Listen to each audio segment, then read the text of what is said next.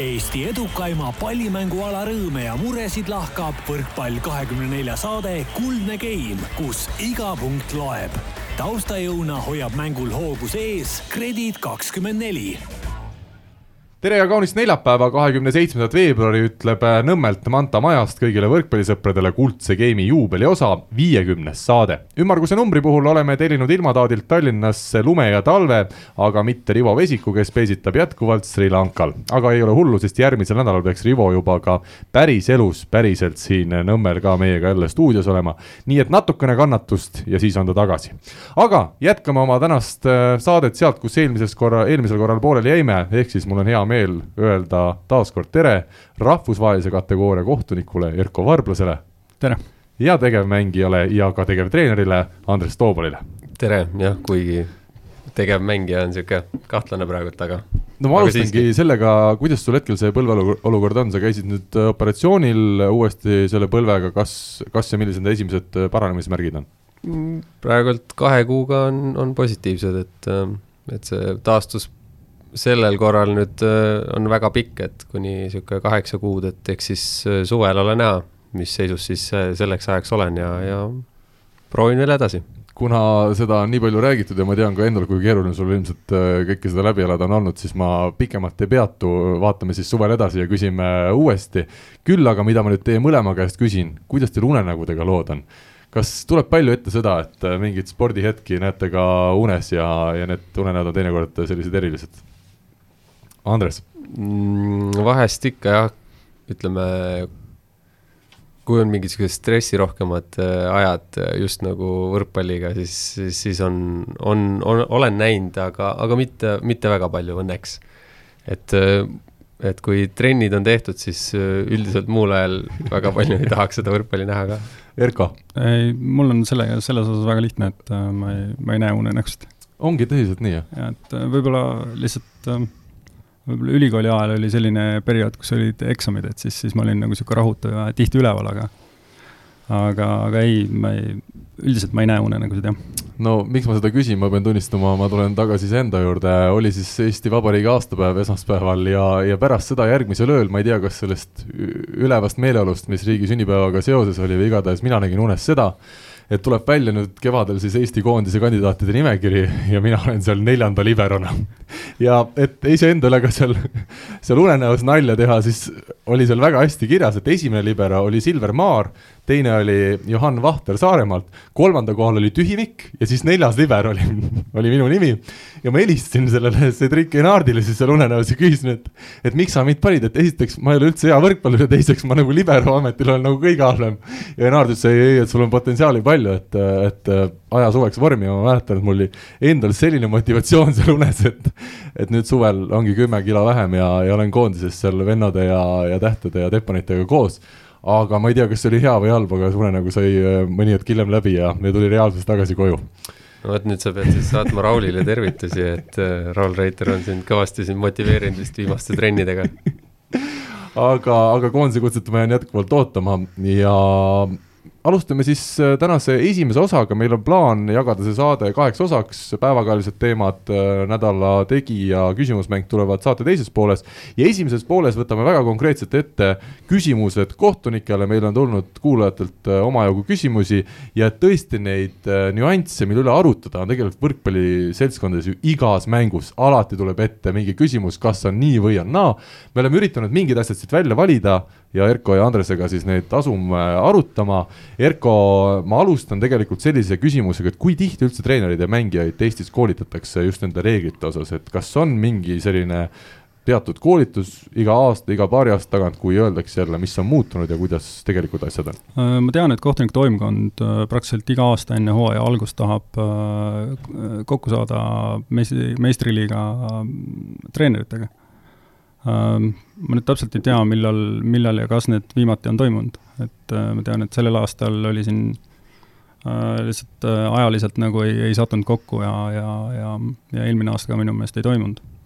aga, aga treenerite koolitus jah, me käime vähemalt äh, kaks korda aastas viimastel aastatel oleme käinud Tallinna Ülikoolis lugemas tõenäoliselt äh, ka Tartu Ülikoolis kehakultuuri omad saavad äh, reeglite loenguid.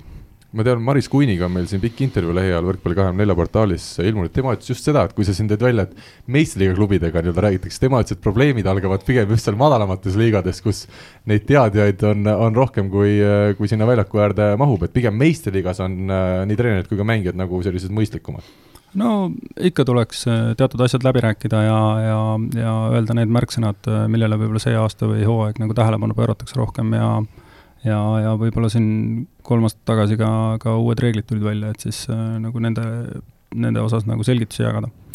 aga, aga jah, sul on õigus, et esiliiga võistlused meestele vähemalt on nagu tihtipeale rohkem sellised, kus, kus tekib küsimärke ja, ja aga, aga see tekib ka läbi selle, et, et seal on võib-olla see kohtunike tase natukene rohkem kõikuv, et äh, et, et siis noh, nagu küsitaksegi, küsitaksegi selgitusi selle, selle läbi, et äh, ühes mängus tehti ühtemoodi, aga nüüd teises mängus teistmoodi, et kuidas nagu siis äh, kas see, kas ei ole räägitud äh, või läbi räägitud kohtunikega omavahel või siis või siis ei ole, ei ole nagu ühtset praktikat, et mm, -hmm. et, et see on teema ja, ja seda siin, seda siin tegelikult sellel aastal on tõstetud üles ka esiliiga treeneritega kokkusaamine või siis võistkonna esindajatega, et kõigil nagu peatreenerit otseselt ei olegi, siis et sellega äh, tegeletakse ühesõnaga, jah? jaa, sellega nagu tegeletakse, sest, äh, sest esiliigas on ka, ka teisi, teisi teemasid, mida,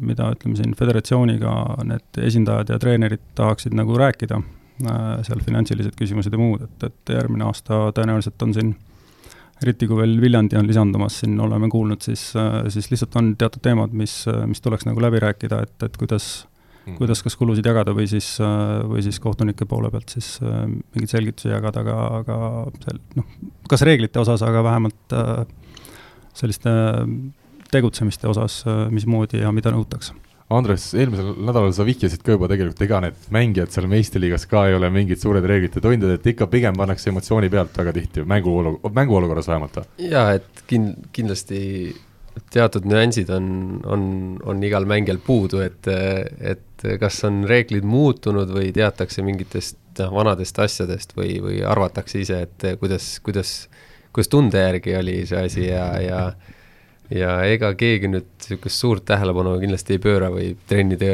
väliselt, et kas midagi on muutunud, et jah, võib-olla ütleme uue aasta alguses võib-olla mingid asjad nagu, mis, mis on muutunud, käiakse korra läbi, aga, aga tihtipeale see algus ju emotsiooni pealt äh, teed ikka neid, neid otsuseid ja, ja mõtled äh, vana, vanast nagu vanaviisi, et äh, et seda kindlasti osadel võib siin siiamaani noh, täitsa selliseid elementaarseid asju meelde tuletada, aga, aga noh, see, see, see käib selle asja juurde, et ja loomulikult võiks tegelikult olla mingi, mingid asjad, mida, mida räägitakse üle ka mängijatele. seda pole olnud minu meelest või mina küll ei ole kunagi äh, kunagi kuulnud ühtegi näiteks kohtunike poolset niisugust äh, mingit loengut, et äh, võib-olla treenerid äh, on mingil hetkel saanud, aga aga mängijatel kindlasti mitte juba mm aga alustame pihta ja ma tean, et suhteliselt konkreetselt ja lühidalt me peame nendele vastused leidma endale küsimustele, sest küsimusi on palju. ja alustame siis, Rivo Pärnust on meile saatnud mõned küsimused. Erko juba muigab, viimastel aastatel on pidevalt proovitud erinevaid reegleid, kui rasket on, kui raskeks see teeb kohtunike töö, et neid reeglite muudatusi on suhteliselt palju olnud, Erko Mm, ma ei tea, ma arvan, et ei tee.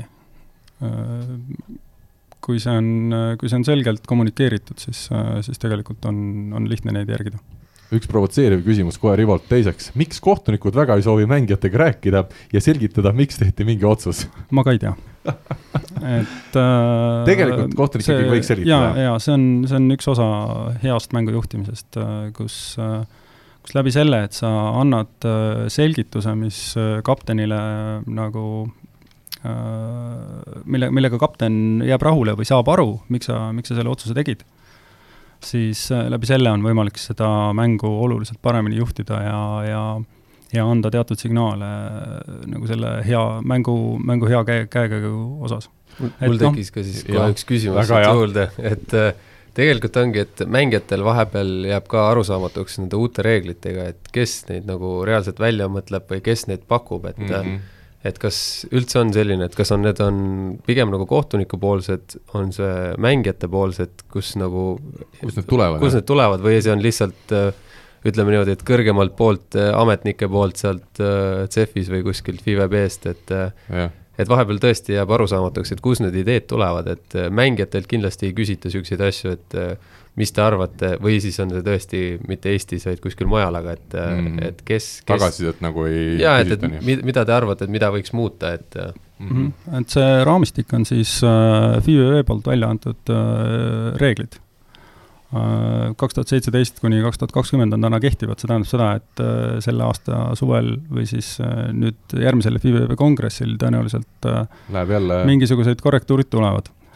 Kust need muudatusettepanekud on äh, pärit, pigem on see siis läbi selle, et äh, et äh, kas mingit äh, reegli, reeglipunkti või siis äh, äh, refereeing guidelines'is on, on teatud äh, asjad äh, noh, kas siis äh, lahti kirjutatud äh, selliselt, et neid on võimalik kaheti mõista ja, ja, ja, ja praktika on natukene teistsugune, siis lihtsalt äh, need muudatusettepanekud tulevad läbi selle, et, äh, et kirjutame selle konkreetsemalt sisse.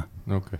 ja, ja, ja no noh, pluss on seal mingid suured suunad, mida siis just nimelt, eks, et noh, siin ja teine, teine variant on siis see, et et äh, katsetatakse teatud, teatud selliseid äh, suuremaid muudatusi, nagu siin vahepeal oli, et võib võrku puutuda ja ei või ja, ja, ja kõik sellised teemad, eks, et äh, aga need tulevad jah, siis äh, seal äh, kongressil nii-öelda otsustatakse mm. -hmm. räägitakse läbi ja, ja selle jaoks on siis olemas äh, reeglite komisjon FIVB-s, et äh, lisaks kohtunike komisjonil on ka reeglite komisjon nagu eraldi. no mina kohe võtan selle võrgust sõna otseses mõttes kinni, minule tundub, et see, et võrku alt puutuda näiteks ei tohi, et see on väga jama reegel, sest see mitte kuidagi ei muuda midagi. Andres, kas sina oled nõus minuga esiteks?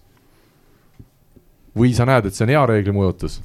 Ma isegi enam ei oska öelda, kumb, kumbat pidi see parem oli, et äh, ühtepidi oli jah, ütleme võib-olla plokk läks äh, julgemini seal, ma, ma tahaks võib-olla mingit statistikat isegi mm Mhm. -hmm. näha, et kas tõesti tänu sellele tekkis näiteks rohkem vigastusi või mitte, et äh, et seda tõenäoliselt ma ei tea, kas üldse on, aga see nagu aitaks vastata sellele küsimusele, jah? jah, et ütleme, no kindlasti see aitas paremini plokki hüpata, et see ei, see noh, ploki kõrgused võib-olla läksid natukene, natukene suuremaks ja, ja seal ja. võrgu ääres käis võib-olla niisugune vähe aktiivsem tegevus, et praegult jah, surutakse jälle, ütleme, kõik nagu natukene võrgust välja, et et noh, võib-olla siis tänu sellele pü-, püsib pall võib-olla kauem õhus või ma ei tea, aga aga ma arvan, et et minul endal ei olnud väga, väga palju probleeme selle võrgus olemisega, aga aga ma tean, et äh, tihti, kui mängus ikkagi noh, on teatud mängud, kus juhtub see neli, viis, kuus korda, et siis, siis lihtsalt nagu mm -hmm. lõhub seda mängurütmi, et äh,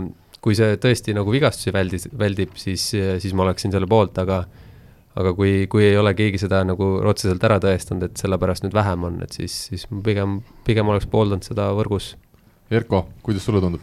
Um, mis see, miks see minu isiklik seisukoht on see, et et äh, see võrgu viga tänasel kujul on kohtunikele oluliselt lihtsam. ehk et äh, ka selgitada lihtsam mm mm.. -hmm. hakata selgitama seda, et ta oli altvõrgus või et ta, ta oli natukene võrgus, noh, seda on oluliselt keerulisem ja, ja sellist subjektiivsust kohtunike osas on, on oluliselt vähem täna, tänase reeglite tõlgendusega ja ja kui keegi on võrgus, siis võrk nii-öelda liigub äh, selle peale võetakse challenge, kui kohtunik ei ole vilistanud ja, ja Mhm. ja, ja siis on kohe näha, et on võrgus. noh, muidu on nii, et võetakse challenge eid liiga palju ja, ja pooltel juhtudel tegelikult äh, on see, ei ole see viga, eks ju, sellepärast et ta oli kuskilt alt võrgus või oli, või mm. -hmm. või oli liiga kergelt võrgus, eks ju. ja seda kindlasti, et see, seda, seda tekitas see ülemise puutumine küll, et kas ta nüüd täpselt puutus sealt seda ülemist trossi või, või natukene altpoolt ka. Jah, et seda vaidlust oli vähem, et äh, seda küll võib-olla jah. Nüüd on äh, Rivolt selline jälle natukene äh, inimlik küsimus, kui pikk on kõige pikem mäng, mida oled vilistanud ja kas väsid ära ka? kohtunikule siis küsimus. Äh, ma isegi ei tea, kui pikk on olnud. no kuskil kolm Äh, tundi ilmselt või? ei, ei, vaevalt. niisugune kahe tunni kanti, ma arvan, aga kahe tunniga kanti, no aga kui on viis geimi, on juba kaks pool. nojah. saadad lühidalt isegi need jaa, viiekümnesed. absoluutselt, et noh, niisugune jah, sihuke, ta võib olla seal pisut kahe tunni peale, aga, aga noh, suurusjärk kaks tundi. väsib ära pigem sellisest mängust, kus äh, mingisugune üks game on hästi, hästi selline suur vahe, näiteks ma ei tea, keegi võidab kakskümmend viis, Mhm. viisteist, eks ole. Ja, ja, ja siis äh, nagu järgmisesse game'i tulla täies kontsentreerituses on nagu pigem probleem, et see on isegi mängijatel ja pealtvaatajatel ma arvan samamoodi. täpselt, et, äh, et kui sa näed, et juba üks treener on loobunud ja hakkab seal vahetusi tegema, siis tahaks öelda, et ärge tehke, et, et äh, aga, sest noh, kohtunik ei saa omale pausi lubada, eks, et mm. -hmm. äh, väsimus, teine, teine, väsimus on see, kui seal on mingisugused ekstremaalsed tingimused, eks ju, et seal saalis on kolmkümmend viis kraadi kuuma, eks ole, et siis on raske Kalevi spordialis oli vastupidi, seal oli miinus kolmkümmend viis vahepeal. äh,. Jah, me siin põhjamaalastena oleme pigem sellega harjunud rohkem kui, kui kuskil ähm, lõunamaal vilistades, kus on hästi kuum. vahepeal äh, Rivolt äh, jälle selline spetsiifilisem küsimus, et ta on täheldanud, et peale challenge'i tulekut teeb kohtunik vähem iseseisvaid otsuseid ja kasutab ka ise challenge'it. kas see tekitab ebakindlust kohtunikes? Vot seda ma nüüd, ma ausalt öeldes ei ole märganudki, kas nad ise saavad siis ka kasutada challenge'i Äh, jaa. kohtunik võtab challenge'i, kolm tükki on alles ja, ja suurtes mängudes äh, Ongi nii, oli, oli mingi periood, kus äh, seda kasutati mm. Äh, kas ta ebakindlust vist on vale sõna kasutada või? see on, see on, see on pigem nagu, see on jah, see on, kui, kui lihtsalt olukord on selline, kus, kus ta ei saa otsust teha ilma selleta mm.. et need on äh, ja aga, aga need tulevad selles mõttes mängule kasuks, et ta see, selle põhjal teeb siis korrektse otsuse, et et jah, jah, tal on võimalik võtta. siis on järgmine küsimus, kes on olnud kõige toredam mängija, kelle mängu oled vilistanud ja kes kõige ebaviisakam? no toredaid ma loodan ikka on välja tuua kedagi või? ei, me Ei ole. vaata kohtunikud vaatavad mängu hoopis teise pilguga, et äh, kui me, et nalja, naljaga pooleks me ei käi, me ei käi saalis üldse mängu vaatamas, eks ju, et et pärast vaatame tulemuse, siis võtame skoorsid ette ja siis, siis vaatame, mõtleme läbi need olukorrad, mis kohtunikud tegid, ähm, äh, mu kõige ägedam mäng, ma arvan, oli, oli Venemaa ja Eesti sõpruskohtumine Kalevi spordialis äh, ma ei, võib-olla ei oskagi nagu konkreetseid mä- mängijaid välja tuua, aga aga, aga kui mängijad suhtuvad tõsiselt, siis, siis nad on meeldivad ja, ja kui nad ei suhtu mängu tõsiselt, siis, siis, siis nad muutuvad ebameeldivaks ka kohtuniku jaoks. Andres, sa pead ennast pigem meeldivaks mängijaks või ebameeldivaks? ise arvan kindlasti, et väga meeldib, aga, aga eks seda on, tõenäoliselt kohtunikud saavad ise otsustada, et ma arvan, et ma väga suur, suur vaidleja ei ole ja väga teisele poole ei karju, et eh, kui siis rahva sekka võib-olla, aga ma arvan, minuga väga palju probleeme pole olnud, et eh, ma arvan, et neid on, neid on kõvasti hullemaid. on Erko nii? jaa, Andrese puhul küll. väga hea. Läheme nüüd konkreetselt veel edasi ja, ja küsimus, mis meil ka eelmisest saatest korra läbi käis, millal on jalg keskelt üle ja millal mitte praeguste reeglite kohaselt? seal oli see jalalaba jaa küsimus oli, ehk et terve jalg peab olema üle, üle keskjoone. see ongi puhas, eks ole, lihtne selgitus. just, Aga just ja vastase väljaku keha- peal, vastase väljaku peal. just, aga isegi kui ta ei sega mängu, ikka on viga. Äh, jala puhul jah, isegi kui ta ei sega, on ta on see viga.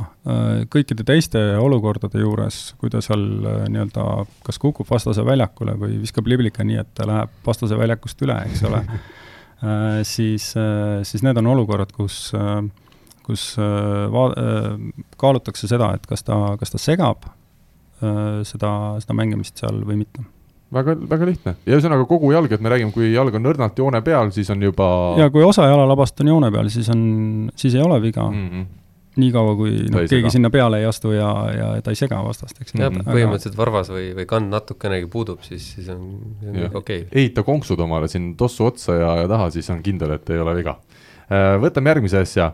Siin on olnud kellelgi kahtlusi, et äh, kas ähm, serv nii-öelda läheb käima siis, kui on ülesvise või on löök, ma eeldan, et see vastus on, et löögist, et siis võib ka hakata mängijaid nii-öelda siis asetusi muutma sellest hetkest, kui pall on läinud teele vastase väljaku poolele. jah, asetus peab olema korrektne sellel hetkel, kui äh, löök toimub pallile.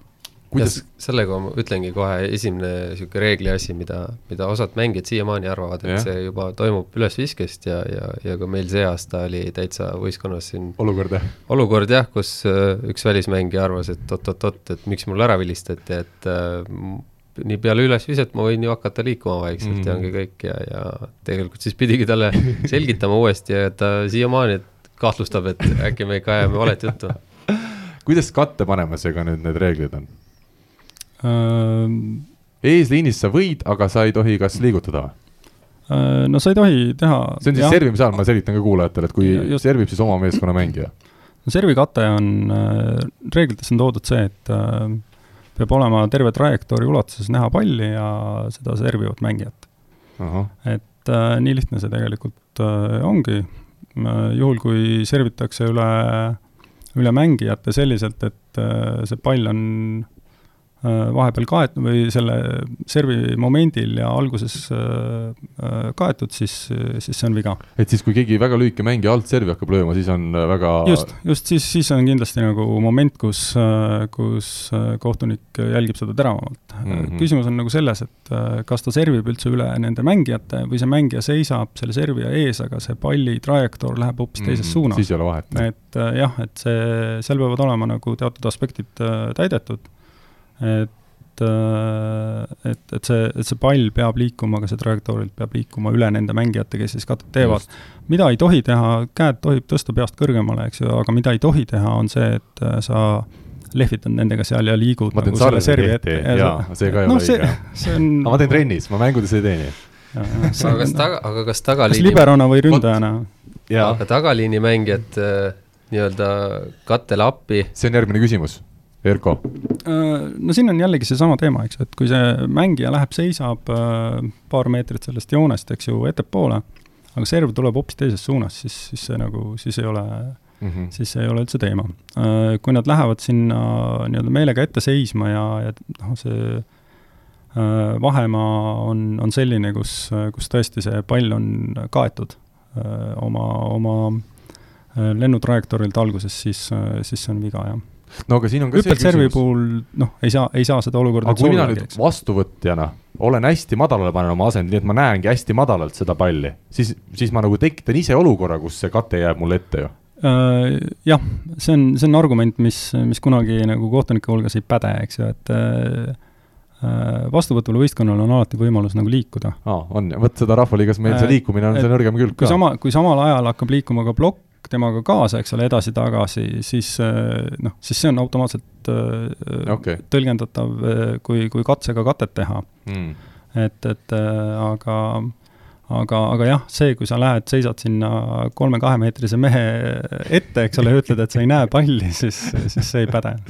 Selge, vahele tuleb siin paar rannavolle küsimust ja Uku Rummiga on siin ka peetud vahepeal aru.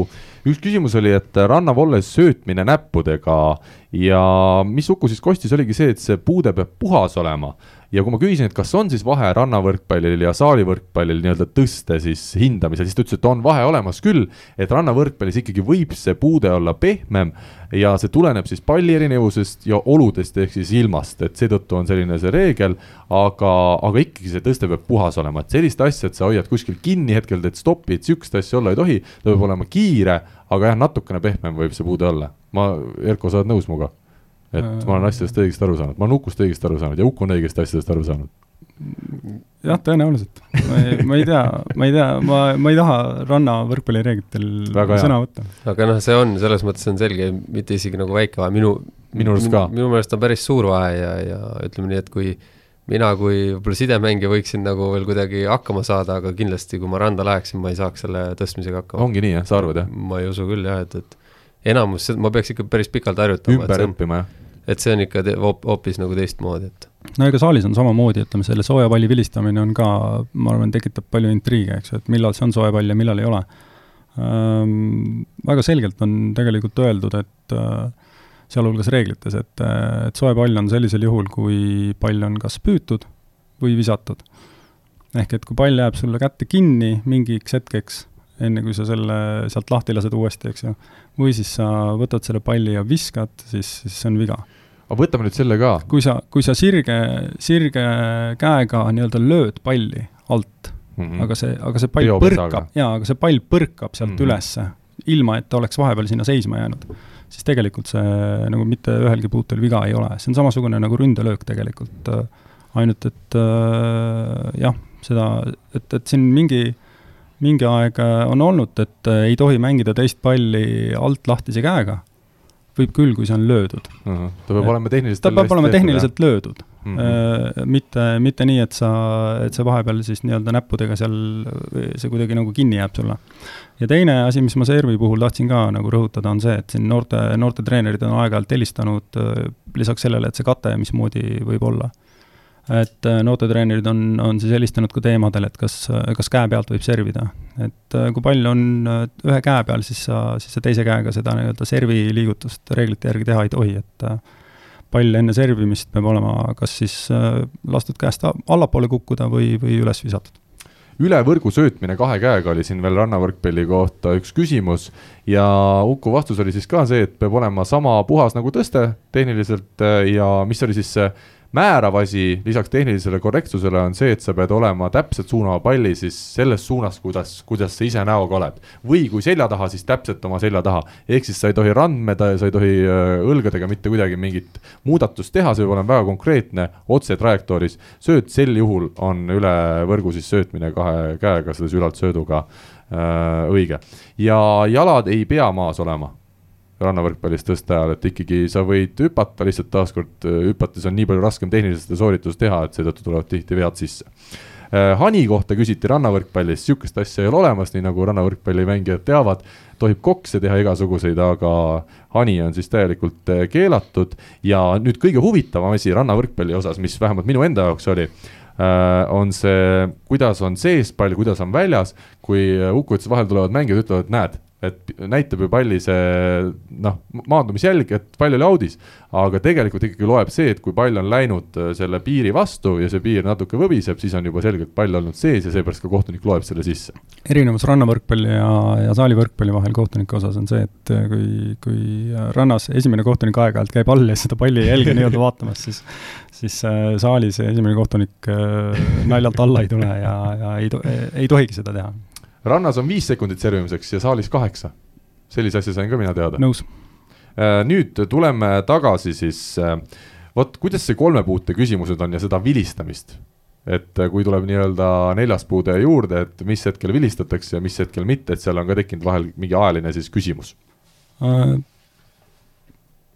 viga on, nelja puute viga on siis, kui, kui ühe võistkonna mängijad puutuvad neli korda järjest palli et kui see, oletame seal kolmas pall lüüakse võrku, siis kohtunik peab ootama ära, millal see pall sealt võrgust äh, Aha, põrandale just. langeb mm. -hmm. ja vilistama siis, et äh, või, või kui on äh, kolmas puude, tahetakse mängida kõrge kaarega üle võrgu, siis ja on näha, et see pall üle võrgu ei tule, noh siis seal võib olla kolm-neli sekundit enne, kui kohtunik vilistab, sellepärast mm -hmm. et neljandat puudet otseselt tehtud ei ole selge, läheme edasi, saali võrkpallis mängusituatsioonist väljas olles võrgu puudutamine, kuidas sellega lood on? Kui sa oled mänguolukorrast väljas, kas võrku tohib mingil hetkel puudutada?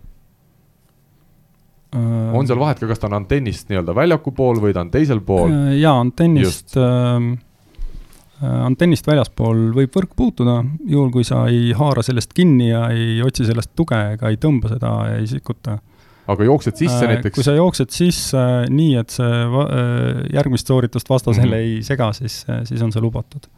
selge äh,. Väga hea, äh, peopesa ülespoole mängimisest me rääkisime, ehk siis ta peab olema jälle konkreetne põrge, sel juhul on äh, korralik, aga kui ta jääb sinna kätte kinni, siis on ta juba ebakorrektne puude. ja kui pikalt võib-olla, see on kõige loogilisem, et kui sa pikalt seda kätt edasi saadad, et siis, siis tõenäoliselt ta juba läheb nagu natukene viskeks, et noh, ma arvan mm -hmm. vähemalt, et see on nii, et kui sa teed niisuguse lühikese löögiliigutusena ja see pall üles läheb, et siis, siis, siis, siis see põrkab, et aga kui sa jah, väga pikalt tõenäoliselt käe, kätt edasi liigutad, siis -huh. siis äh, tahes-tahtmata see pall jääb nagu kätte kinni, et äh, et see peab jah, vist nagu sihuke vähe lühe, lühem ja noh, see pall, see pall peab olema nagu seisev mingiks hetkeks, et, et mm -hmm. noh, mhm. plokis näiteks, kui mängijal pall veereb mööda keha alla, siis ta ei ole soe pall sinnamaani, kuni see mängija seda palli kinni ei võta ja viskama ei hakka, eks ju, alt mm -hmm. kahe käega.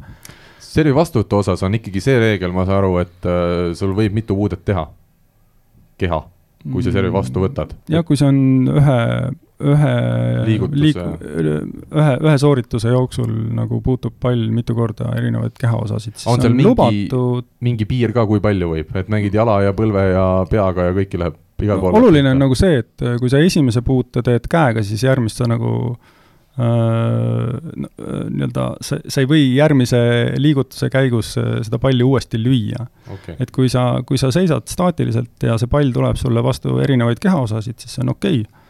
Juhul, kui sa kõigepealt saad vastu rindu ja siis äh, lööd käega edasi seda palli, noh siis, äh, siis on viga. või ütleme näiteks niisugune olukord, et plokis, sa hüppad plokki, see puudutab sinu kätt, kõrvale tuleb näiteks keskblokeerija, ta on nüüd natukene hiljaks jäänud ja ta põrkab vastu tema pead ja sealt edasi läheb mängu? vot, väga hea küsimus. Äh, noh, oluline on selle juures see, et äh, kas see, kas see, kas see olukord äh, defineeritakse kui kollektiivne plokk, ehk kaks mängijat hüppasid plokki. ja, ja see kollektiivse ploki teeb sellest see, see moment, kus, kus vaadatakse, kas sellel teisel mängijal, kes sinna juurde jõuab, on mingisugune kehaosa üle võrgu või ei ole juhul, kui ta lihtsalt jookseb sinna kõrvale, siis, siis see ei ole ploki tegevusena defineeritud. Kui ta on pikk poiss, siis loomulikult. nii et Andri Aganits võib peaga mängida elu lõpuni ja see ei lähe puutme arvesse äh, blokeerimise tegevuse juures just, just. et äh, kui ta jah, jõuab sinna vahetuslähedusse, teise mängija vahetuse lähedusse ja, ja ja ta käed on üle võrgu ja ta saab selle palliga vastu pead, siis, äh, siis see on blokeeriv tegevus ja, ja võib mängida veel kolm puudet hmm,. väga hea nüüd, millest mina olen ka natukene saanud äh, pragada sinu käest, Erko, kommenteerides mänge, et äh, minu, mina mingi hetk ei teinud väga vahet, mis on soe pall ja mis on see topeltpuude oh,. siis tuleb kohtunikku vaadata, nagu, nagu ma sulle olen mitu korda öelnud äh,, kui, kui on mingi olukord äh, ja, ja ei saanud täpselt aru, mida kohtunikud vilistasid, siis tasub kohtunikke vaadata mm, -hmm. eks ju, et äh, üsna hea, üsna hea nõusolek on ju, nõuanne, et äh, naiste mängu puhul on keeruline muidugi, siis ei, ei näe kohtunikku üldse. jah, et äh, kui ei ole naiskohtunik just et äh,, et kui kohtunik tõstab kaks näppu üles, siis on kaks puudet ja kui ta tõstab peopesa alt ülespoole, siis on soe pall mm. -hmm. ja kui, ja kui teine kohtunik midagi vilistab, siis tasuks teise kohtuniku poole vaadata, mitte, mitte otsida seda, mida esimene kohtunik näitab Äh, kuidas hanitusega lood on saali võrkpallis siis ikkagi, millal see puude on puhas, see peab ikka olema jälle niisugune konkreetne lühikene puude? jah, et äh, see, see peab olema puhas puude, ei tohi olla visatud meie kuulajad on ka sellised, kes ise panevad üldiseks harimiseks äh, infot äh, nii-öelda juurde, et libero ei pea tagalinis vahetama tingimata tempot, eks ole, ta võib vahetada ükskõik millist mängijat, see tundub ka hästi loogiline mulle. jah. aga tagaliinis... on seda ette ka tulnud, äh, on, Andres, lähed vahel tagaliinis välja, tuleb libero sisse? on vist isegi olnud jah, mingeid siukseid, äh, siukseid kohti jah, et äh, kus võib-olla korraks tuleb jah, aga, aga need on siuksed väga eri, eri, erijuhud olnud, et äh, tavaliselt naljalt seda ikka ei juhtu, et mm -hmm. aga kindlasti on olnud, et kus võib-olla mõni, ma tean, et on siukseid siukseid olukordi olnud isegi minu meelest äkki Taugapil siis kunagi, kui üks nende tempomees oli küllaltki hea vastuvõtuga ja teda ja. ei vahetanudki üldse libero välja, vaid vaid võeti üks nurgaründajatest, kui ta jõudis sinna taha liini, siis oli vist ühe või kaks asetust hoopis libero tema asemel ja, ja ja see tempomees oli nagu, nagu siis nurgaründaja. et Väga, mingid, me, jah, mingid mälestused sellest on, et no Osolnekil üldse erinev meeskond ka, seal juhtuski erilisi asju no Osolnikil oli igast muud asjad, aga jah, Taugapilsil oli just see ah, sihuke, just mm -hmm. jah, et, et neil oli, neil oli väga naljakaid asju vahepeal, et ma arvan, et kohtunikel oli ka päris põnev seda seda jälgida mm. -hmm. no asetuste poole peal ma arvan, siin käesoleval aastal on, on ilmselt Jekapilt selline, kelle, kelle asetusi tuleb nagu vaadata selliselt, et Mis et olla toimub? ikkagi sada protsenti kindel, et, et nad noh, et see on lubatud tegevus, mis nad teevad, esiteks ja, ja tihtipeale nad teevad just nimelt pärast time-out'i seda, sellepärast et äh, ka siis nii-öelda vastast segadusse ajada mm -hmm. selles osas, kes on eesliinis, kes tagaliinis. ja sama asi on Limbasiga siin praegult, nad ka vahepeal tsoonist viis ründab hoopis keegi ja, ja tempomees äh, lööb nurgast ja, ja noh, niisuguseid asju nagu nad teevad, et äh, pluss vaatad, kas on juba mängija lasteaia lõpetanud, juba kooli läinud või veel viimast aastat? ei no eks see on noortevõist-, noortevõistkondade teema, eks ju, kus, kus sa tegelikult lähed, kui, kui kui me küsime, et kas äh, meistriliiga mänge on lihtsam vilistada kui, kui noori, siis loomulikult siis seal on näha, kes on esimene tempo ja, ja kes ei ja. ole, eks ju. et äh, noortevõistlustel äh, kõige pikem poiss võib olla sidemängija, on ju, et aga nüüd küsimus, mis jälle kindlasti palju huvi tekitab, pall võrgu kohal, millal on ülepall ja millal mitte? Või käed, kuidas siis nende kätega seal tuleb tegele, tegutseda? pall on üle siis, kui on äh, pall pall üle, teisel pool just, eks, et ta, aga reeglites ei ole sellist asja nagu mõisteti üle, ülepall, et mm -hmm. reeglites äh, on väga selgelt öeldud, et äh, palli ei tohi mängida vastase mänguruumis, vastase mänguruum algab sellest äh, algab nii-öelda võrgust, võrgu, võrgu tasapinnast äh, vastase väljaku äh, kohal hmm. olev, olev on siis see vastase mänguruum. Ja, ja, ja nii-öelda palli mängimise hetkel sul ei tohi olla ei näpud, ei käsi teisel pool äh, võrku, nii et ähm, tavaliselt siis nii-öelda jutumärkides üle pall vilistatakse sellisel juhul, kui sidemängija äh, on, on oma, toob, toob seda palli nii-öelda teiselt poolt tagasi ja näpud on teisel pool võrku okay.. see, selle juures ei ole oluline see, kas pall on tervenisti teisel pool või, või ainult äh, osaliselt. Põhimõtteliselt, kui pall tuleb nagu üle või hakkab tulema, siis äh, kui ta juba on natukene üles ma, ja kui ma löön niimoodi, et mu käsi järgi ei lähe, siis on nagu õige või äh,? tähendab, käsi võib järgi minna, aga siis see tähendab seda, et sa oled oma soorituse lõpetanud enda poole peal. et sa pead olema lõpetanud ja, enda poole ja peal? just, et kui sa lööd palli, mis on osaliselt võrgu kohal, lööd vastase mm -hmm. väljaku suunas äh, ja käsi saadab seda palli teisele poole, ilma et no, reisisaatja? jaa, just nimelt, et siis, siis, siis on see lubatud äh, aga, aga pall ei tohi, tähendab, käsi ei tohi olla puutes äh, palliga vastase mänguruumis. kummutame müüte ka, kas äh, kapten võib kohtunikult, esimeselt kohtunikult ükskõik mida küsida? või on seal ikkagi teatud reeglid, mida tohib küsida ja mida mitte? mm,? tahaks loota, et pärast esimest sellist äh, mitte mängusse puutuvat küsimust ikkagi talle tehakse selgeks seda, et, et see on äh, see on alusetu palve ja, ja küsimus, et, äh, et ära sellega rohkem tule, muidu, muidu viivitad mängu. et tegelikult tohib küsida tõlgendust siis mängusituatsiooni kohta?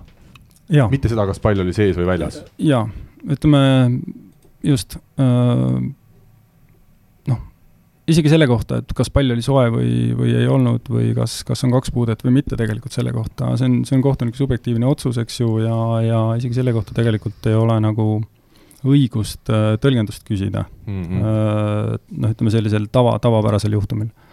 Äh, kui seal on mingisugune keerukam moment, kus, kus pall tõesti põrkab mitu korda ja sa lähed küsid, et kuskohast see neli puudet tuli näiteks, eks ole, siis, siis, siis loomulikult on see okei okay. Mm -hmm. aga, aga pärast iga, iga kahte puude vilistamist tulla kohtuniku käest küsima, et see, see on, see ei ole lubatud. nüüd hästi spetsiifiline asi, tagaliini rünnaku puhul on primaarne hüpe kas see ei pea paika selles suhtes, et seal loeb ka palli kõrgus? just nimelt.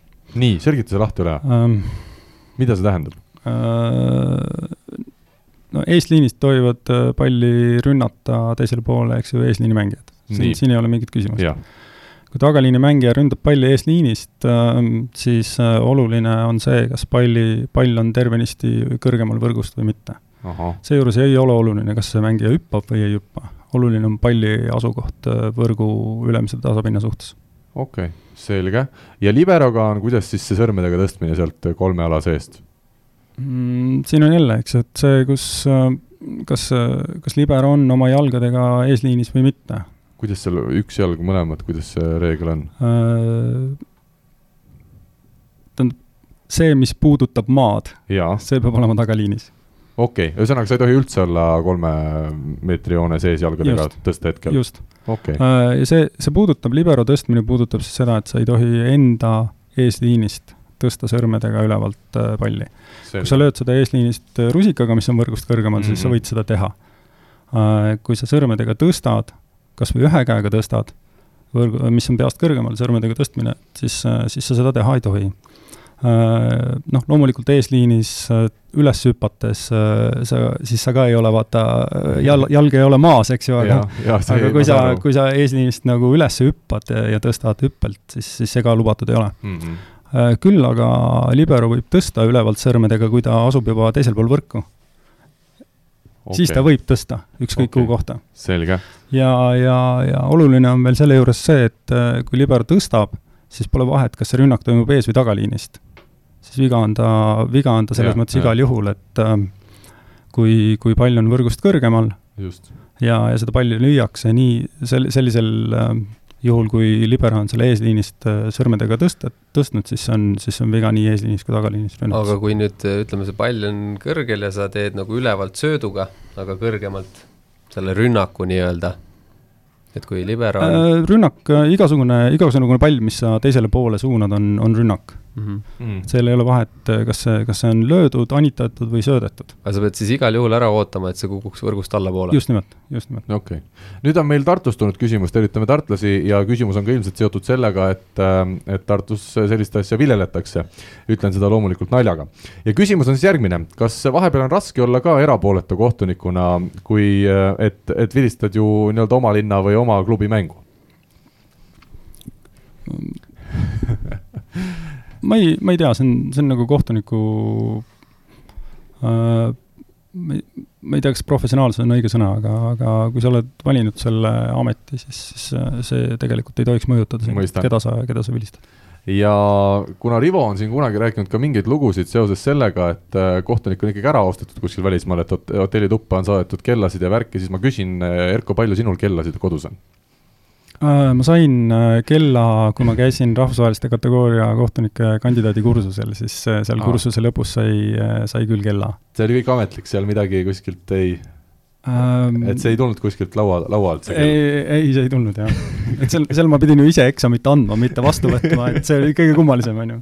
aga sotsiaalmeedias või, või kuskilt mingeid ähvardavaid kirju, sest noh, mängijad on, on, on saanud noh, niisuguseid jah, et, et siin koondise mängijad kindlasti, et enamus on saanud te peale teatud mänge, et te olete umbes ära ostetud ja nii edasi, et eks see on kindlasti need sõlt-, mängusõltuvuses inimesed on, on kindlasti Facebooki kaudu siin päris niisuguseid mm. krõbedaid kirju saatnud, et kas kohtunikele ka need tulevad? et äh, ma ei, ma ei tea Eesti võistkondade osas, äh, ma ei tea, aga siin kohtunikega on ilmselt rohkem teemat olnud äh, siin aegade, aegu tagasi Osanliki võistkonnaga, kus, kus seal, kus seal need poolehoidjad lihtsalt olid väga, väga agressiivsed äh, teatud, teatud mängude puhul, aga äh, aga jah, ma ei oska, ma vähemalt ei tea ühtegi case'i, kus, kus kohtunikud oleks saanud äh, mingisuguseid kirju või, või selle tõttu ta on pidanud loobuma omale määratud mängust äh,. Noh, tavaliselt see on nii, et kui, kui on mingisugune, mingisugune case, noh, on siin ka määramistes tehtud korrektuure, näiteks kui, kui eelmine mäng on läinud hästi, hästi nagu pingeliseks ja raskeks või on tekkinud seal mingisugused äh, probleemid, siis, siis on, siis on toimunud määramistes nagu nii-öelda äh, Äh, kas vahetus või siis, äh, või siis selle võistkonna mänge on, äh, on, on nagu välditud teatud kohtunike mm. puhul. aga ei ole, ei ole küll sellist teadmist, et äh, sotsiaalmeedias kuskil nagu kohtuniku suunas on tehtud äh, mingisuguseid ähvar-, ähvardavaid äh, sõnumeid. aga Andres, sa ütlesid, et mängijatele on tulnud, kuidas siis reageeritakse, kas kuskile kaevatakse see edasi või vastatakse kuidagi sõbralikult, et ei, et äh, lihtsalt mäng ei õnnestunud ja andestame, andestage või, või kuidas see käib? ma arvan, et eks iga, igaüks reageerib sellele omamoodi, et äh, ega väga palju, ma arvan, ei ole, ei ole nagu alaliitudega ka, ma arvan, sellel teemal nagu räägitud, et kuidas või kellele mida üldse vastata, et eks see oleneb siis äh, mängija iseenda iseloomust ja, ja sellisest Eh, noh, võib-olla aktiivsusest ka seal sotsiaalmeedias, et aga pigem on vist see, et ega väga nüüd vastu ei tohi nagu paukuma hakata. ei, kindlasti jah, tavaliselt niisugune üldine reegel on see, et, et ei tasu niisugusele lollile vastata, et siis mm, -hmm. siis, siis sealt tuleb veel rohkem, et et kindlasti on, kes on vastanud midagi ja, ja ka võib-olla krõbedamalt, aga aga ma arvan, et need tavaliselt on sinnapaika jäänud ka, et äh, kindlasti on osad lihtsalt kustutavad ära ja, ja, ja noh, sellest pead nagu lihtsalt mööda vaatama, et see on umbes niisugune sama nagu netikommentaatoritegagi, et ega, ega neil ei ole mõtet vastata, et see asi, asi läheb lõpuks noh mm -hmm., katastroofiga. ja no, see, kahetsusväärselt on muidugi, muidugi ka kohtunike hulgas äh, selliseid, kes on väga head, võib-olla närvikava on natukene nõrgem või, või mingitel muudel põhjustel ähm, noh, on, on, on küll selliseid olnud siin äh, Äh, äh, ka, ka viimastel aastatel, kus kohtunik lõpetab tegevuse nii-öelda sellel tasemel, kuhu ta tegelikult võiks kuuluda. aga, aga see, see ei tulene, tahaks loota mingisugusest ühest-kahest juhtumist, vaid, vaid mingisugustest pikematest ja ja, ja, ja võib-olla sellistest veidi võib-olla enda, enda, enda kas psühholoogilistest või, või, või mentaalsetest teemadest ja täiesti selle esimese saateosa viimase küsimuse ma olen ikkagi pannud kõige teravama kas vastab tõele, et Eestis ikkagi kohtunikud pigem vilistavad eestlaste vastu ja Lätis pigem lätlaste poolt või see ainult eestlastel tundub nii, sest seda tuleb mitte ainult võrkpallis ja korvpallis, seda tuleb vist igal äh, pallimängualal ette, et tundub, et need lätlased ikka kodus teevad, teevad nii, nagu äh, riigilipu värvid näitavad. Andres, kas sina oled kogenud seda Eestis või? No Eestis on jah, pigem vahest jääb selline tunne, et, et kohtunikud on karmimad koduste vastu, et noh, päris tegelikult seda kindlasti ei ole, aga aga eks see foon tuleb sellest, et, et Lätis äh, on niisuguseid kogemusi kindlasti olnud, kus äh, päris julmalt kõik, kõik, mis kaheldavad pallid on, lähevad nagu sinnapoole, et mm -hmm. noh, eks see on niisugune noh. iga, igavikuline teema. jaa, ei kindlasti ja, ja eks siis tekibki selline, et noh, võib-olla lätlased arvavad ka samamoodi, et, et neile tehakse siin kurja ja, ja seal, seal ka kurja, aga, aga selline, kindlasti mängijatel on selline tunne, et et kui sa Lätti lähed mängima, siis, siis alati on see, et räägitakse, et et kohtunikega vaielda ei ole mõtet, sellepärast et see pigem nagu ükskõik, mida nad teevad, ei ole mõtet, et pigem see asi läheb nagu hullemaks, et ma noh, see on minu enda nagu kogemused ja, ja me oleme siin see aasta ka kindlasti nagu seda rääkinud päris mm. palju äh,. jah, olen ka kuulnud äh, et niimoodi, niimoodi arvatakse. ma arvan, et kui Riia käib siin, kui sa Vildega räägid, siis ma arvan, et need, need suhtuvad samas, samamoodi eestlas-, Eesti, Eesti kohtunikesse Arvan, Eestis, et äh, minu arust on inimtüübis ikka väike vahe. Eestlane on nii korralik, et noh, see ongi pigem, ma panen enda vennale punase kaardi. selles mõttes ma olen, on sul õigus, et me, me tahame ikkagi vilistada reeglite järgi ja me ei võta me, me, me ei ole päris, päris sellised, kes või tähendab, nii ilmselt me ei tee koduvõistkonna suunas mm -hmm. nagu otsuseid, kui, kui võib-olla teistes riikides. ma Lätis ei ole käinud. üldse ei ole käinud? äh,. isegi mitte piiri peal äh,? äh ma olen käinud ühte mängu vaatamas, äh, kus koondised mängisid, äh, seal oli, seal oli küll väga tipp-topp see piiri, Riias mm., piirikohtunike töö oli väga tipp-topp. ah, ma mõtlesin, piiripood oli, aga sa räägid piirikohtunikest ja, selge. ja, ja siis äh, üks mäng, tõsi, ma käisin Jekapilsis kaks aastat tagasi Selverit vilistamas Äh, play-off'i. ja, ja, ja seal oli, seal oli, seal ma pigem nautisin seda feeling ut, mis seal oli, sest ma olin esimest korda, eks ju, kõik rääkisid, et seal on mingi tohutult, tohutult äh, võimas publik ja, ja, ja ja muud teemad, et noh, nüüd me oleme siin Saaremaaga harjunud, et see on enam-vähem sama. selge, aga väga hea, saime ka sellele küsimusele vastuse ja läheme nüüd edasi juba küsimusmängu juurde. Küsimusmängu toetaja on teamshield.com oma disainiga spordi ja vaba aja riided eelmisel nädalal sai siis uuritud järgnevat, mis on Eesti rahvusvahelise kategooria võrkpallikohtunike keskmine vanus? Ja vihjena siis lisasime, et Eestis on täna kaheksa rahvusvahelise kategooria kohtunikku, kui liita kokku saali ja rannavõrkpallis tegutsevad isikud, mul oli isegi uudises kirjas äh, tegutsevad mehed ja see oli karm viga, sest teatavasti meil on ju ka naiskohtunikke sellel tasemel, nii et vabandan, ikkagi isikud on see õige sõna. Ja õige vastus on siis äh, nelikümmend koma kaheksa, kui lugeda ainult aastaid ja kui ka kuud kokku panna, siis on nelikümmend üks koma kaks aastat ja kui ka päevi hakata lugema, noh, meil üks inimene loomulikult oli, kes neid ka päevi luges, siis on veel natukene rohkem. ja olgu siis öeldud, need kaheksa rahvusvahelise kategooria kohtunikku ka, Toomas Murulo viiskümmend neli eluaastat, Tiit Kõiv viiskümmend kaks, Risto Strandson kolmkümmend kuus, Irina Suhhova kolmkümmend viis, Kristjan Vanaveski kolmkümmend kaheksa, Erko Varblane nelikümmend, Riina Saks kolmkümmend kuus, Uku Rummi kolmkümmend viis, Erko tagantjärele palju õnne juubeli puhul! Jaa, aitäh! ja mis me siis äh, ütleme et ma enne, kui ma jälle hakkan äh, loosi välja kuulutama, siis ma loen ette meie sarikuulaja Aare Alba vastuse, ühe osa sellest, kõike, kogu vastust ei jõua, sest äh, muidu tuleb juba homne päev peale, aga loen siis ette. esimese kuue inimese sünnipäeva leidmine netist ei, ei valmistanud suurt probleemi. Erko kohta sain ainult teada, millal ta on Rakveres keskkooli lõpetanud. no sealt andnuks ju miskit tuletada. Irinaga aga keerulisem. kahe tuhande viieteistkümnenda aasta artiklis mainiti, et ta Suhhovast aasta vanem eh, ning töötab Põhja prefektuuris agentuuris uurijana. nüüd taipan, miks mu telefoni sisse häkiti, agentuur toimetab, see on sulgudes. mõtlesin, et olgu, oleme siis ka nagu lihtrahvas, eh, tekstiski eh, sai kirja pandud, aga ei saanud, hing näris sees. tuli kasutada varianti, et kas keegi tunneb kedagi, kes teab midagi. naiste liini pidi sain Erko andmed ja Võrkpalliliidu inimeste kaudu Irina andmed. naerumärk, kuigi tänu sellele lendas peaaegu valmis kirjutatud käsikiri prügikasti. juttu sai hirmus palju, vaja oleks nüüd numbrit ja siis ta vastas siis selle toreda vastuse, mis tal oli ja see oli siis äh, see kõige suurem number nendest õigetest vastustest, kuna sai ka päevad kokku arvutatud, aga need siis nii-öelda põhivastused nelikümmend koma kaheksa või nelikümmend üks koma kaks, olen, olenevalt siis sellest, mida täpselt lugeda, kas ainult aastat või ka kuid. viis õigesti vastajat ja meil oli üks põhjus, miks väga paljude vastajate äh, vastus läks mööda, nad arvasid, et Ivar Pilden on veel tegev äh, rahvusvahelise kategooria kohtunik, aga ma saan aru, et vanuse pärast enam ei ole. Äh, ta on selles mõttes tegev, et ta Eestis vilistab, jah. aga Äh, ta vanusega Euroopas enam ei, ei saa mm. -hmm. et viiskümmend viis on vanusepiir ja ja sama, samamoodi tekiks mul, mul nagu küsimus, miks siis Mati Koorepit ei eks, et, et jah. Koorep ju ka tegelikult käib vilistamas. mitte küll EVF-i liigamänge enam, ta võib publikuna aga, fännis aga, aga rahvuskategooria, rahvusvaheline kategooria on tal jätkuvalt olemas. jaa, ühesõnaga viis õigesti vastajat äh, seekord ja Andres, ma annan sulle võimaluse, ühest viieni üks number. viis. viis, Vaiko Vaikla.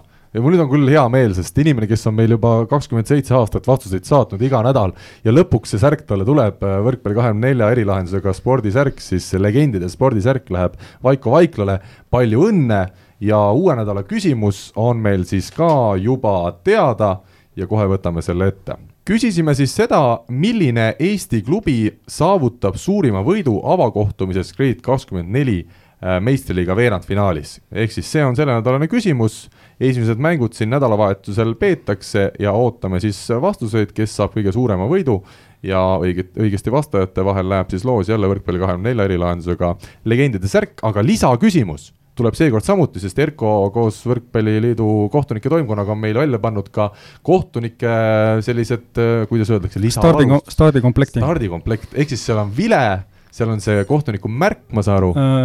kohtuniku loosimünt ja, ja sinine Adidase kohtuniku särk. just, aga kõik need, keda toetavad siin Nike, siis ärge osalege, aga kui tahate Adidase särki saada, siis võtke osa ja see lisaküsimus on siis selline, mitu koondise mängu on kokku Andres ja Gert Toobalil nii et väga lihtne küsimus ja loodetavasti oskate ka õiged kohad üles leida, kust need vastused kätte saada. info at võrkpall24.ee ja võrkpall kahekümne nelja Facebooki lehe sõnumid on jätkuvalt need kohad, kuhu saab kõiki vastuseid saata, meie läheme aga siit edasi.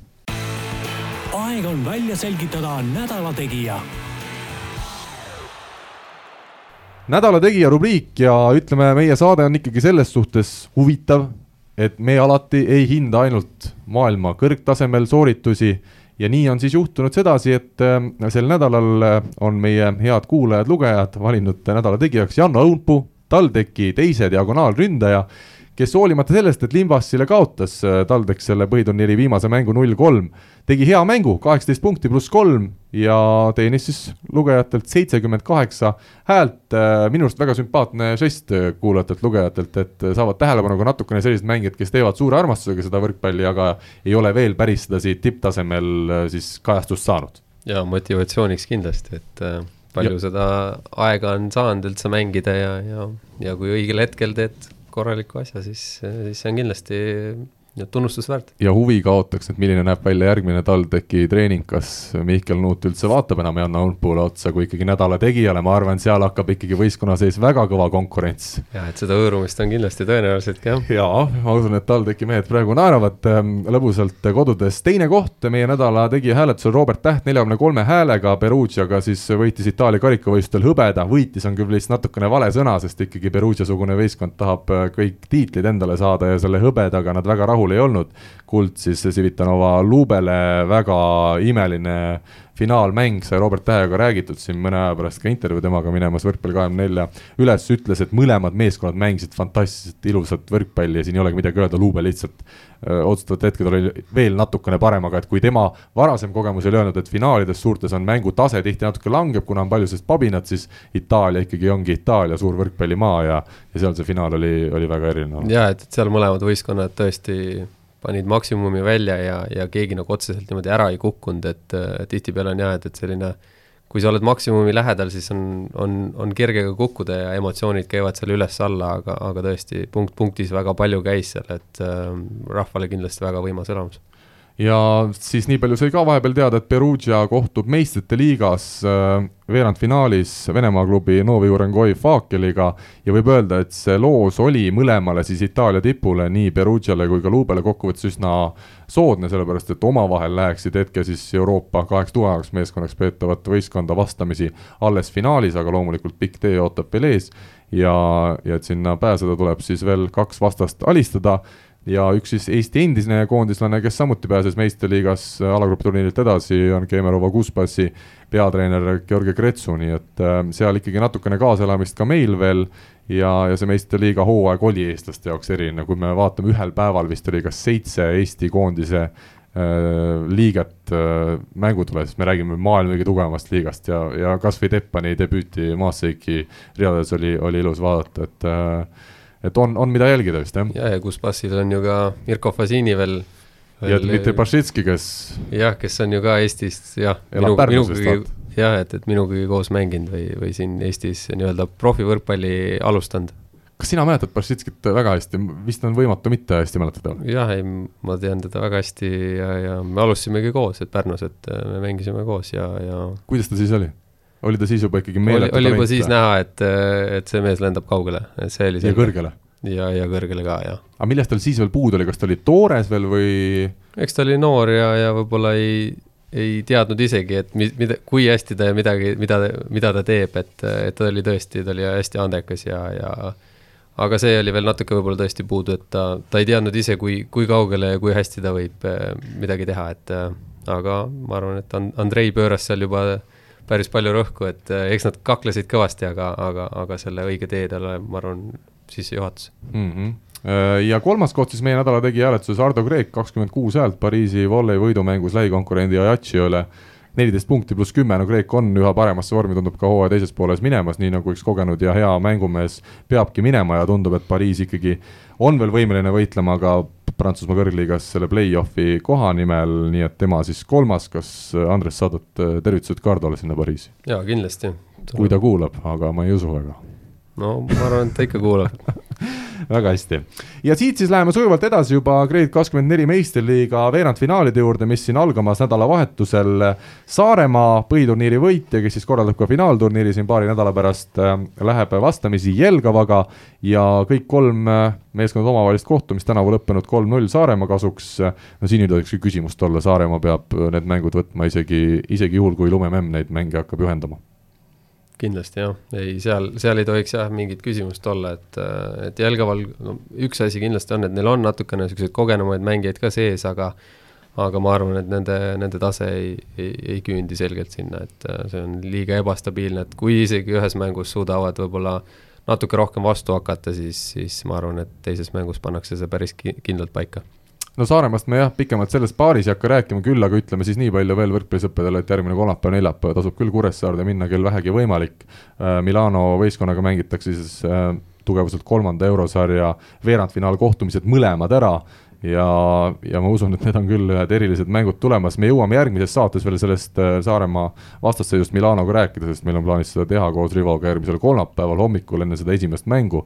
nii et sellel ka pikemalt ei peatu, küll aga teine paar, Ekapilsi Luuži ja Pärnu võrkpalliklubi, vaat et ikkagi kõige põnevam vastasseis peaks siit tulema põhiturniiril siis Ekapils neljas ja Pärnu viies jah, Pärnu ise nagu otsustas, et nad äh, kindlasti tahavad nendega kokku minna, mitte meiega, et. Äh, ja õigesti tegid, ma arvan kuigi seda, me tuleme veel seda, teie juurde ka muidugi. jaa, seda, seda ju ei tegelikult et ei tea, et eks need äh, samamoodi meiega noored mehed on ju, ja seda ei tea kunagi, et äh, see veerandfinaalid juba teatud pinge peal ja, ja noh, ma ei, ma ei julgeks küll öelda, et me nüüd nagu parem või, või halvem vastane oleme, aga aga see oli Pärnu, Pärnu oma valik ja noh, samas teades, et Jelkapil see ei ole siin viimastel hetkedel kõige parem olnud, et võib-olla ka äh, Aavo Keel teab midagi, mida meie ei tea, et tead, Aavo rääkis mul juba siin eelmise kalendriaasta lõpupoole, et näed, Jekapis on praegu, mis ta oli tabelis seal teine-kolmas ja ütles, et kuule, et sa tead, iga aasta kevadel vaata, nad langevad ära ja tegelikult põhiturniiri lõpus nad ju neljandaks ka lõpuks langesid, jah? jaa, ei, see tendents on neil kogu aeg sees olnud, et valel ajal vormis. Äh,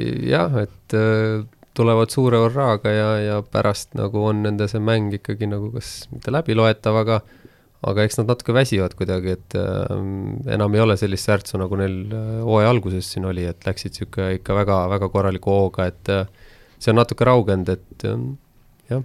no samas, kui nad Final Fouri jõuavad, siis nad on alati nagu arvestatav jõud mm. -hmm. et äh, ma mäletan siin Saar-, Saaremaal äh, kaks aastat tagasi nad olid ikkagi, jõudsid finaali välja, eks ju, et et ja. selles mõttes nad on, nad on ohtlikud alati, küsimus on selles, kas pikas või lühikeses seerias mina väidan, et täna on lihtsalt Eesti paar paremat klubi läinud nii palju paremaks, et Jekapilsil on ülikeeruline siit finaali pääseda. jaa, aga nad on selline hästi emotsionaalne võistkond, et, et kui nad ikkagi hoo ülesse saavad, siis, siis ega siis on ükskõik, kes äh, siin raskustes nende peatamisega lihtsalt olenebki see, et jah, et lühikestes äh, nii-öelda seeriates on see nende eelis, et äh, kui nad saavad ikka kuskilt kohe juba mängu algusest minema, siis, siis neid peatada on raske, et äh, mitut mängu nad, ma arvan, väga niimoodi edasi ei pane, aga, aga lühikeses seires kindlasti.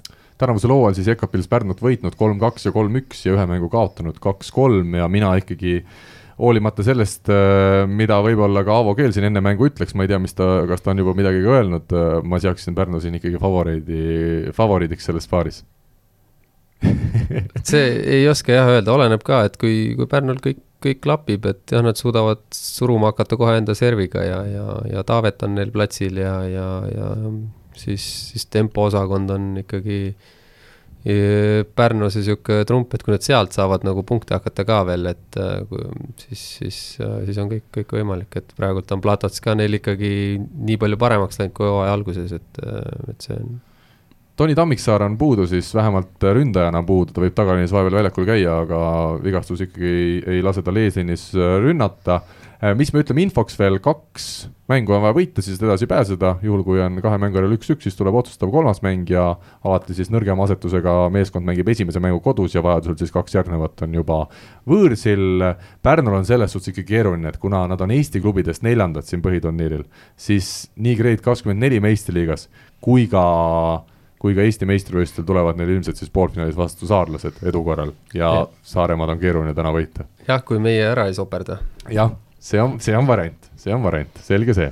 Läheme edasi, Tartu Bigbank ja TalTech on kolmas paar, äh, omavahelised mängud tänavu siis viis-null Tartule, kui ka karikamängud äh, kokku arvestada ja ma pean tunnistama, et see TalTechi viimaste nädalate või kuude juba mäng on olnud nii kehva, et mulle tundub, et see meeskond on iseennast nagu emotsiooniga kuidagi ära kaotanud, et ma ei näe seal mingit võimalust TalTechil.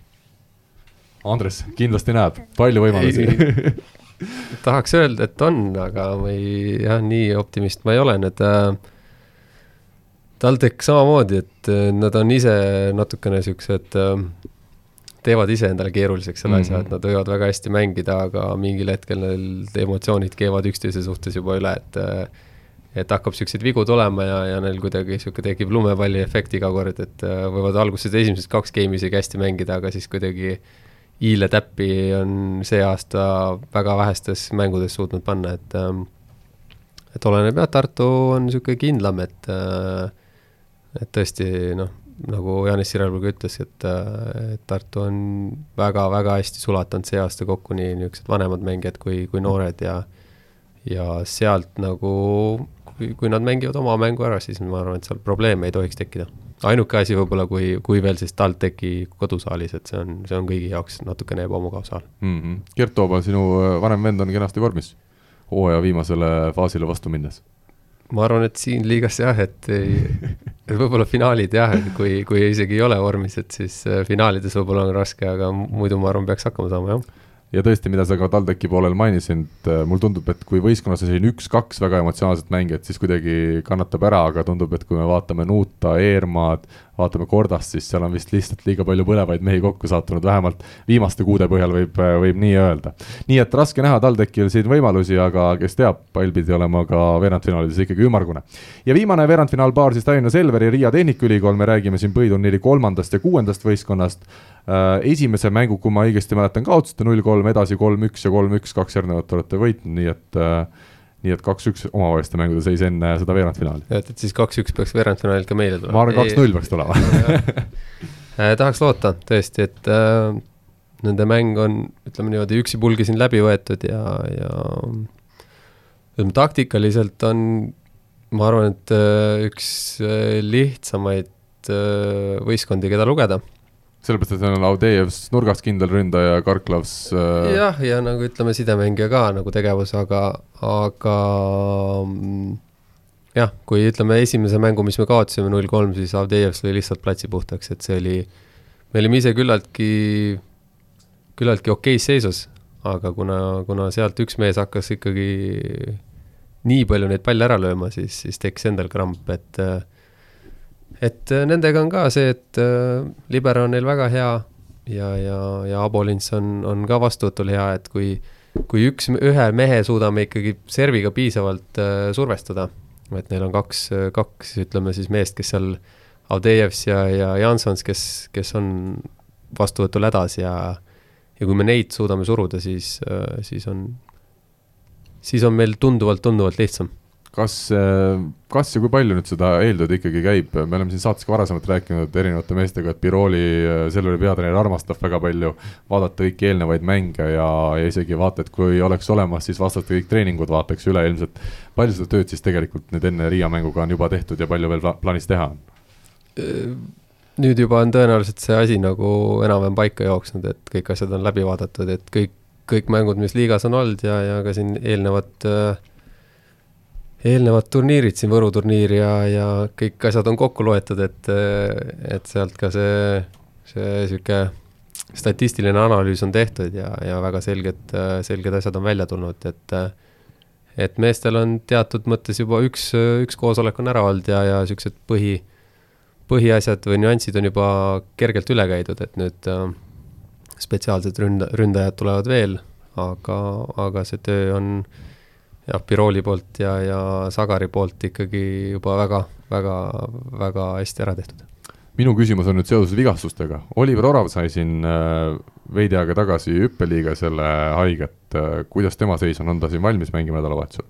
no tahakski nüüd tänaõhtuses trennis näha, et oli meil eile siin niisugune vabam päev ja, ja, ja ei saa öelda, et äh, on ta tagasi või mitte, et, äh, et seda siin nüüd, eks mänguks võib-olla juba üritab saada, aga, aga kindlasti jalga ei ole kõige paremas seisus veel, et äh, kõndida saab ja teeb oma harjutusi ja teeb ravi, aga aga natukene liiga lähedal tuli see, see mhm. vigastus, et eks kindlasti mingile abile me loodame, aga, aga ei tea veel, kui, kui suuri riske tahaks üldse võtta, et et eh, ennemalt võib-olla üritame ikkagi muude lahendustega siin tagasi saada, et jah, teatud, teatud siin vigastused on, Mark Saru ka samamoodi hüppeliigasega mitmendat nädalat juba teeb oma programmi ja, ja, ja, ja Schmidel ka oli siin, oli siin haiguse küüsis, et et viimastes mängudes pidime, pidime siin jah, ilma, ilma nendeta hakkama jah. saama ja, ja aga, aga loodame, et siin saame hoo uuesti üles ja aga küsin üle ikkagi äh, Aru ja Schmideli kohta, kuidas see praegu seis on, Schmidel on saanud terveks? Äh, Schmidel oli jah, juba teisipäeval oli ta küll trennis juba olemas. nii et koroonat ei olnud? ei olnud. tavaline haigus? jah, palavikku ja, aga ta oli jah, nädal aega kõrge palavik, et eks see tuleb tagasi nüüd see energia vaikselt ja, ja, ja loodame, Marksast on, tuleb kiiremini tagasi kui, kui Orav, et aga, aga see kõik siin päevade jooksul selgub. ma panen su ikkagi siin tanki ka saate lõpus, kas alustab Lõhmus või äh, Schmidl seda mängu, esimest? ei oskagi öelda, et äh, tõenäoliselt nüüd äh, täna-homne trenn, trenn on siuksed otsustavad, et et peatreeneriga pole veel seda asja arutatud ka, et kuidas või, või mismoodi, et et kes just alustavad, et praegult tegeleme veel sellega, et et viimased nüansid paika panna vastase kohta ja, ja eks reedene ja laupäeva hommikune trenn panevad kõige paremini paika. jaa, et kohtunike osas ka, et äh, vigastusi ei ole, et tuleme kõrgmäestikust alla ja, ja oleme üsna tippvormile lähedal. kas kohtunikud dopingut tohivad panna? Ei, ei tohi ja äh, Aga... kohtunikud peavad samamoodi nagu, nagu mängijad tegelikult, äh, vähemalt Euroopas tegutsevad kohtunikud peavad äh, äh, läbima siis selle äh, medical'i kursused, et sa ei tarvita äh, aineid. vaata, kas sa räägid tõsiselt? ja tõsiselt ja, ja teine on see, et sa ei äh,, ei panusta kuskil saitides. aga no, dopinguproove ei võeta? ma mõtlen ka, et ma võin kirjutada ükskõik mida. ei, enne mängu ikka võetakse proove, aga, aga., aga vaevalt, vaevalt kohtunike hulgas nagu äh, toonust tõstvaid dopinguid on, eks et, et seal Aha. on, seal on mingid muud põhjused, miks aga alkoholijoovet jaa, seda tuvastatakse, jah. kusjuures, aga mina mõtlesin, vaata alguses, kui tulid need uued värgid, et teil on need iPadid kõigil vist käes, eks ole, seal mängu ajal kuidagi kohtunikel ka, et et ma mõtlesingi, et see käib, see panustamine lihtsalt tehti lihtsamaks kohtunikele, et nad saavad kohe mängu ajal tõmmata ja, ja alumisel kohtunikul on siis äh, pilt nii-öelda petlik, eks ju, et, äh, et on asetused ja, ja time-out'id ja, ja, ja ja, ja vahetuste arv äh, ja siis nii-öelda time-out'i aeg jookseb seal ka, ega seal väga palju muud ei ole Äh, siis äh, aga esimesel kohtunikul jah, et juhul, kui te kuskil Ainult mängul esimesel kohtunikul Aa. näete tahvlit, siis on panustamine. siis, siis absoluutselt, jaa, jaa, sest noh, vaada, vaada, kuidagi peab ära elama. jaa, et vaada, vaadake, mis särkide peal on, eks ju, et ei tekita kahtlustki ja täiesti saate lõpetuseks, Andres, ma võtan veel kiirelt ühe teema, Eesti-Soome-Läti liigast on palju räägitud, aga mängijate poolelt ei ole palju kuulda olnud, ei ole ilmselt küsitud lihtsalt piisavalt palju. kuidas sina vaatad sellele teemale otsa?